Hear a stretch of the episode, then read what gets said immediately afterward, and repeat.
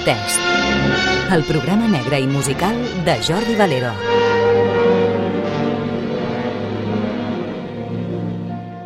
Benvingudes i benvinguts al fascicle número 14 del Mussol Maltès. Els detectius americans de novel·la negra són de whisky, bourbon i tequila, més que no pas de vi, que als Estats Units i pels alts preus essent majoritàriament d'importació, el vi només es troba en segons quins restaurants i és beguda de persones cultivades. Els detectius anglesos també són més de whisky, així com els nòrdics són d'alcohols d'alta graduació, de 40 graus en amunt, i cervesa. Beguda aquesta que també es prodiga entre els investigadors dels Països Baixos i Alemanya. Mentre que França, Espanya i Itàlia exponents de la novel·la negra mediterrània, sí que prima el vi. I és que, clar, són els tres principals països productors de vins de gran qualitat i és un signe d'identitat cultural. Generalment identifiquem tres tipus de vi, el negre, el blanc i el rosat, i sovint ens oblidem d'un quart i que és el claret.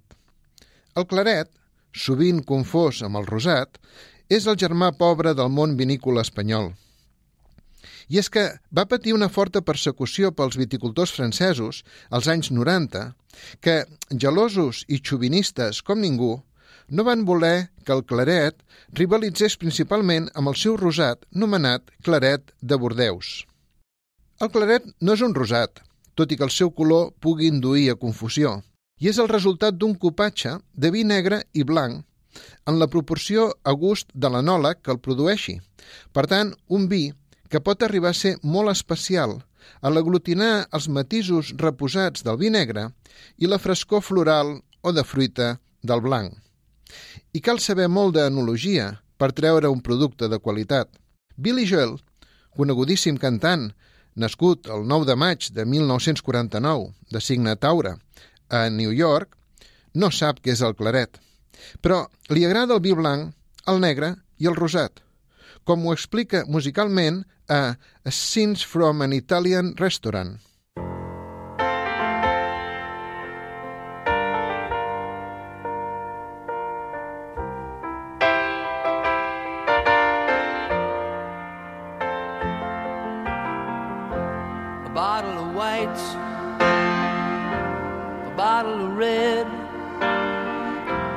perhaps a bottle of rosé. Get a table near the street in our old familiar place. You and I, face to face. Mm-hmm. A bottle of red, a bottle of whites. It all depends upon your appetite. I'll meet you anytime Italian restaurant.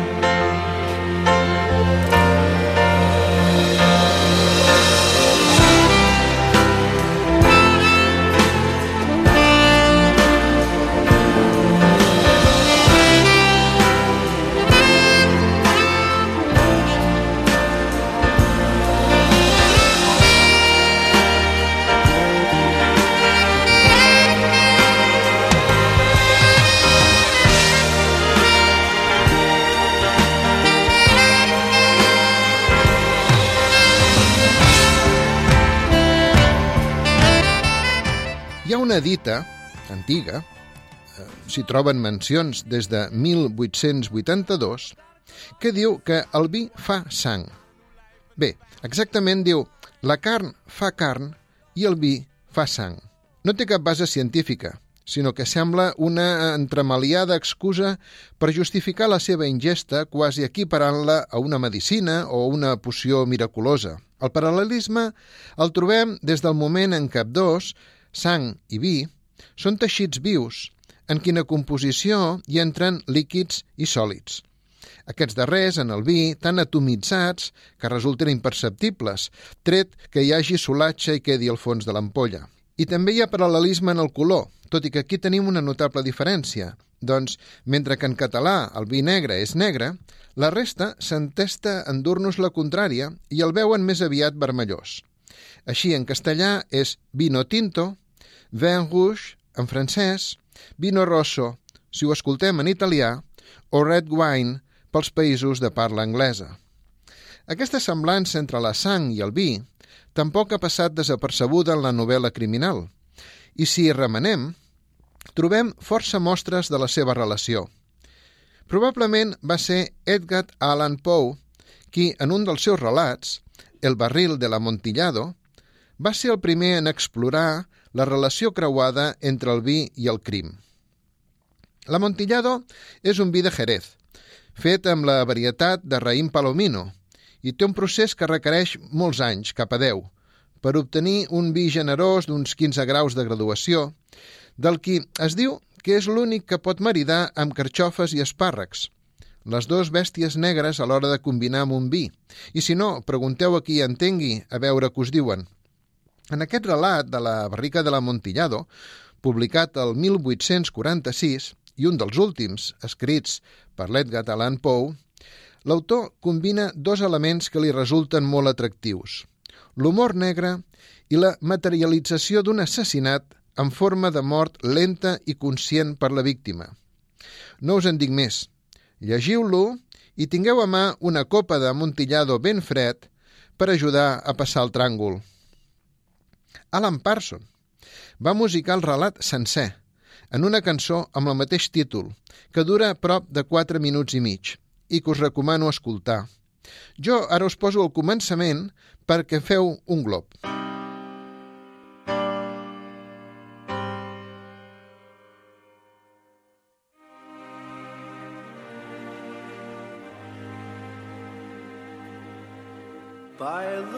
last breath of the four winds that blow, I'll have revenge upon Fortunato. Smile in his face, I'll say, Come, let us go. I've a cask of Amontillado. Sheltered inside from the cold of the snow. Follow me now to the vault down below. Drinking the wine as we laugh at the time which is passing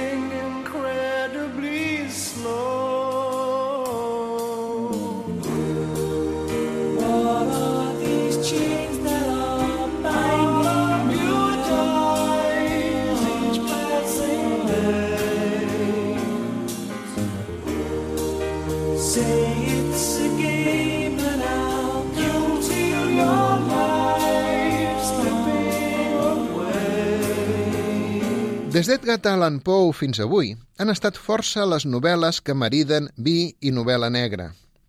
Anòlegs fent de detectius, bodegues ombrívoles on cometre crims, botes on amagar cadàvers, vinyes amb malura inoculada, ampolles d'anyades mítiques robades o falsificades, produccions de vi contaminades per odis, enveges, venjances, rivalitats, corrupció de marxants... I és que el microhàbitat que suposa tot el que envolta el món del vi és un caldo ideal per la novel·la negra. I no tot és vi negre, encara que sigui el que pertocaria a la novel·la negra. El canònic, a dir d'en Paco Camarassa i la Montse Clavé, que ho tenien molt clar quan els servien a la seva llibreria negra i criminal, tal com us vaig explicar en els primers fascicles. Per això, potser la bodega Pardes, quan va fer un vi negre íntegrament amb la varietat Sumoll, que dona un color fosc i espès com la sang, el va batejar com Collita Roja, exactament igual que el títol de la primera novel·la del pare de la novel·la negra americana, Dashiell Hammett, i com no podia ser d'una altra manera, van escollir la llibreria negra i criminal i el Paco Camarassa com a padrí per presentar-lo en societat el juny del 2011. Avui és una referència consolidada i hi ha anyades de qualitat excepcional. I és que, quan les coses es fan bé, el temps les millora. Ho canten The Who, All Red Wine.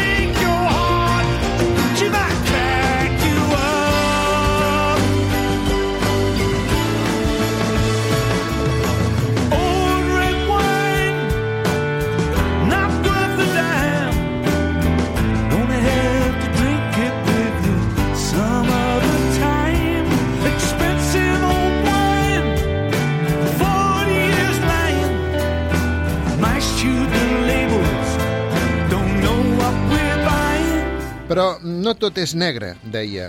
També hi ha novel·la negra i policiaca amb vi de colors torrats, com l'Amontillado, del relat d'en Pou, que té un color caoba, o vi de color groc com la palla, o daurat com l'hort, o quasi transparent, com molts vins blancs, i fins i tot vins amb bombolla, com els xampanys i els caves. I passant ara a les novel·les, començo per la que es diu exactament El vi fa sang, nom que el fa extensiu al festival de gènere negre del mateix nom, el vi fa sang, de l'Espluga de Francolí, que es celebra en el marc de la festa de la Barema. La novel·la, El vi fa sang, és de Salvador Balcells i Vilà, nascut el 1946 a l'Espluga de Francolí, un exllibreter que compta amb força obra publicada de diferent temàtica i almenys vuit novel·les, algunes premiades, de gènere criminal. La sol protagonitzar l'Emili Espinosa, un peculiar sotsinspector dels Mossos d'Esquadra.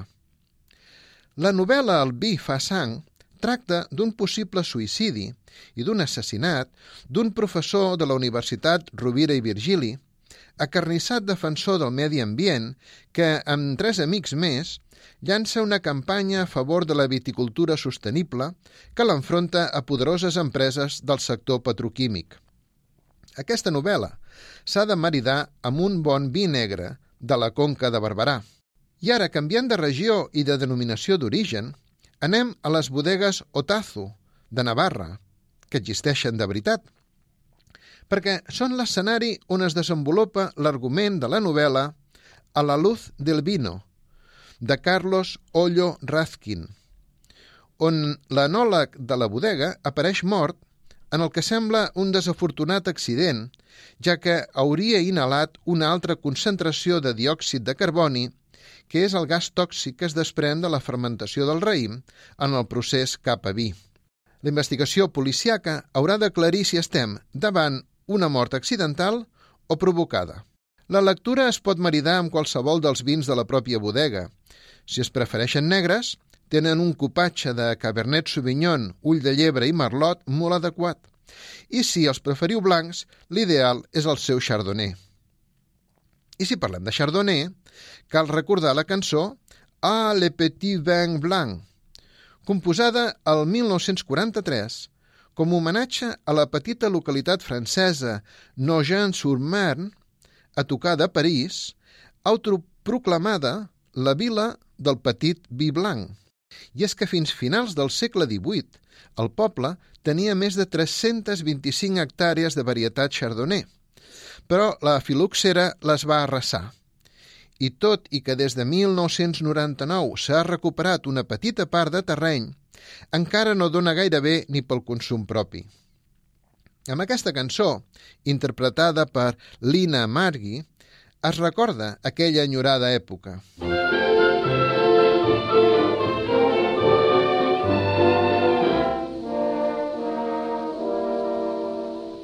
Voici le printemps, la douceur du temps nous fait des avances. Partez mes enfants, vous avez vingt ans, partez en vacances. Vous verrez agiles sur l'onde tranquille, les barques dociles au bras des amants. De fraîches guinguettes, des filles bien faites, il y a des chansonnettes et il y a du vin blanc, ah, le petit vin blanc qu'on boit sous les tonnelles quand les filles sont belles du côté de nos gens. Et puis de temps en temps, un air de vieille romance semble donner la cadence pour fauter, pour fauter dans les bois, dans les prés, du côté, du côté de nos gens. Suivons le conseil, monsieur le soleil, connaît son affaire. Cueillons en chemin ce minois mutin, cette robe claire. Venez belle fille, là sous la charmille, soyez bien gentille, l'amour nous attend. Les tables sont prêtes, l'aubergiste honnête, y a des chansonnettes et y a du vin blanc, ah, le petit vin blanc qu'on boit sous les tonnelles. Un altre títol és Carcinos, de Pedro Luis Fernández Ruiz, una òpera prima d'un metge especialista en anatomia patològica que presenta una curiosa trama plena d'assassinats en la que se li atorga cert poder curatiu a un vi del que no se'ns diu si és un copatge o un mono varietal a fi de preservar el secret. Un petit poble que amaga misteris, una història del passat i un vi que desperta l'interès malsà d'especuladors són les claus de l'argument. Per tant, aquí el maridatge s'ha de fer escollint una ampolla de vi negre de la varietat ull de llebre, el Tempranillo de la zona de Ciutat Real, que és la productora principal de la denominació d'origen La Manxa i que és on transcorre l'acció. I si anem cap al nord, ens trobem amb en Francisco Vescós, que té dues novel·les ambientades a Calahorra, a la Rioja Baja, protagonitzades per Lucía Utrera, una guàrdia civil cordobesa que sobrenomenen La Grande. En la segona, una novel·lassa, de fet, si diem un vinàs, també podem dir una novel·lassa, titulada El porqué del color rojo, un assassinat destapa la pràctica de la subcontractació mal pagada per la barema, preferentment de gent sense papers. Aquí el maridatge no té discussió, doncs el títol ja ens demana un vi negre i, evidentment, de denominació d'origen Rioja. I sense moure's del quadrant, el cuiner de Donosti, Xavier Gutiérrez, no tenint prou amb els fogons, es va llançar a escriure una tetralogia de novel·la negra dedicada al món gastronòmic i de la que parlaré en un fascicle dedicat precisament a aquest subgènere de gastronomia noir. Però si l'esmento ara és perquè la seva segona novel·la, titulada El buquet del miedo, va de la investigació de la mort, precisament en època de barema, de la enòloga Esperanza Moreno, que tenia al seu càrrec l'elaboració del vi de les bodegues Sainz, una de les més prestigioses de la Rioja. Obriu un reserva de Rioja, una bona estona abans perquè respiri, i poseu-vos a llegir amb una copa a la mà. Ja sabeu que els Riojas, com les novel·les criminals, semblen tots iguals, però tots són diferents.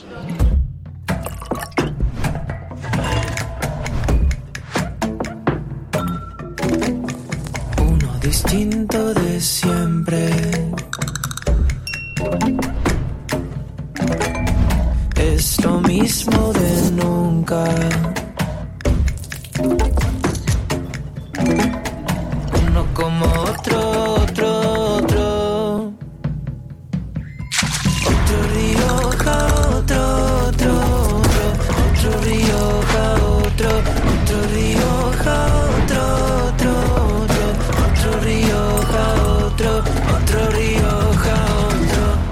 Passem a un altre títol, que és In Vino Veritas, de l'escriptora Virginia Gasull, una novel·la narrada a dues veus que segueix la investigació de la inspectora Oteiza, especialitzada en patrimoni, intentant aclarir l'espoli d'una important remesa d'ampolles de vi de qualitat que haurien estat robades pels nazis en un rerefons històric cert durant la Segona Guerra Mundial. I acompanyant a la inspectora en el seu aprenentatge del món vinícola, coneixem aspectes del procés d'elaboració del vi, des de la plantació fins a l'etiquetatge, i entendrem l'amor i entrega de les persones que s'hi dediquen. I és que fer vi és molt semblant al procés d'una creació artística d'una obra d'art. La novel·la ens porta de Madrid a Donòstia i a Bordeus, i una escena a flor de pell d'una cata a cegues mostra com el vi i l'erotisme es donen la mà per potenciar el plaer mutu en tots els sentits. I si parlem de sensualitat i vi, res millor que la versió de Summer Wine, la més sensual que es pot escoltar, cantada per Andrea de The Course i Bono, en directe a Dublín el 2005. Strawberries, cherries, and an angel's kiss in spring. My summer wine is really made from all these things.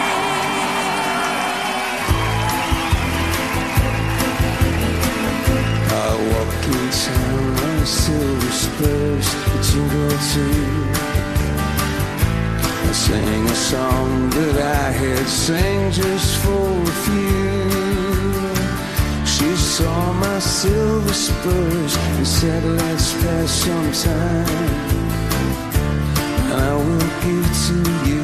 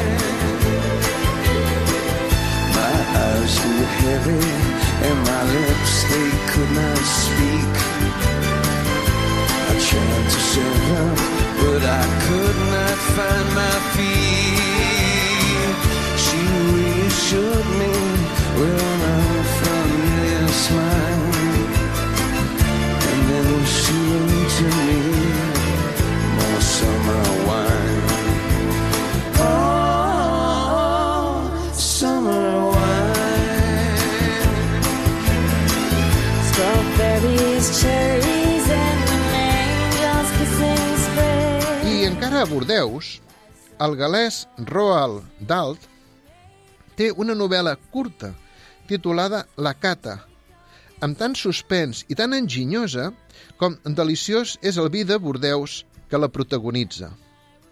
Tracta d'un sopar i d'una aposta que va més enllà del que és raonable i de fet ha estat imitada en vàries pel·lícules. Aprofita per ironitzar sobre l'esnovisme que sol envoltar el món del vi, ple de fatxendes que giravolten copes olorant i tastant després d'haver memoritzat frases que repeteixen com lloros per presumir d'assabentats. No deixeu de llegir-la. I per maridar no hi ha altra opció que escollir un Bordeus de la regió de Médoc, que n'hi ha a molt bon preu. Vinga, continuem a Bordeus. I és que a França el vi és devoció. Les seves bodegues, temples, i segons quines ampolles són déus.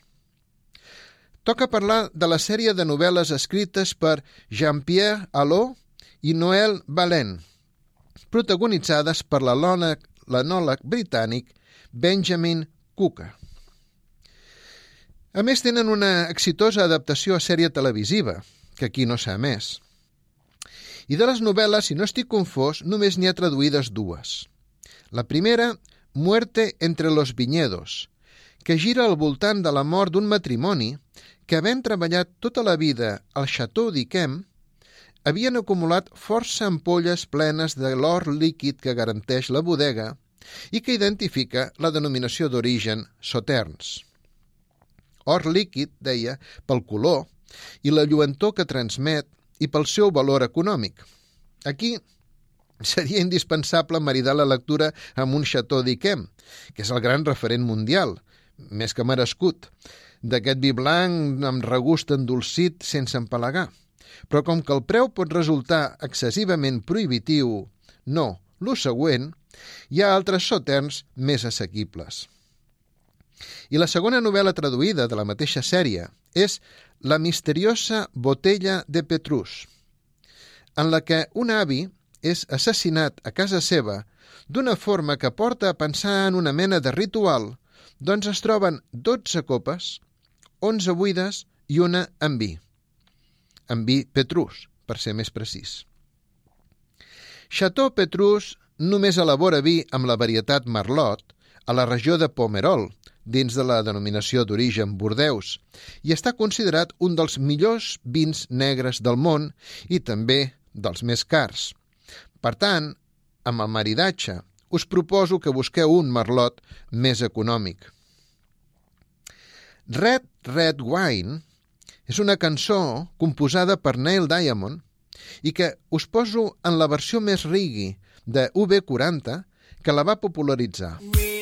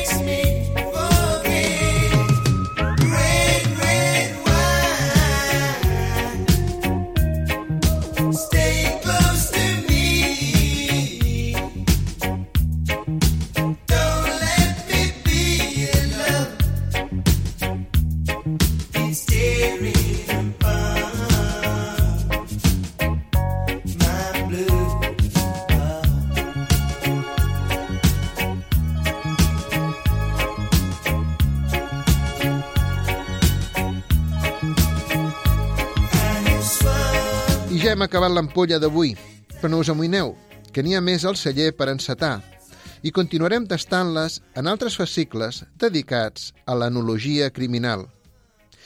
Agraeixo a Beatriz Aguilar que porti la part tècnica i a vosaltres que m'hagueu escoltat. Us espero en el proper fascicle.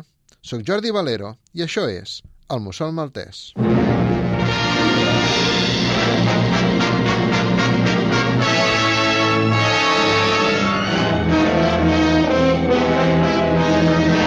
Recordeu que podeu escoltar tots els fascicles del Mussol Maltès a la web de Ràdio Sabadell 94.6 i també a les principals emissores de podcast. Per qualsevol comentari podeu adreçar-vos a jordivaleros.gmail.com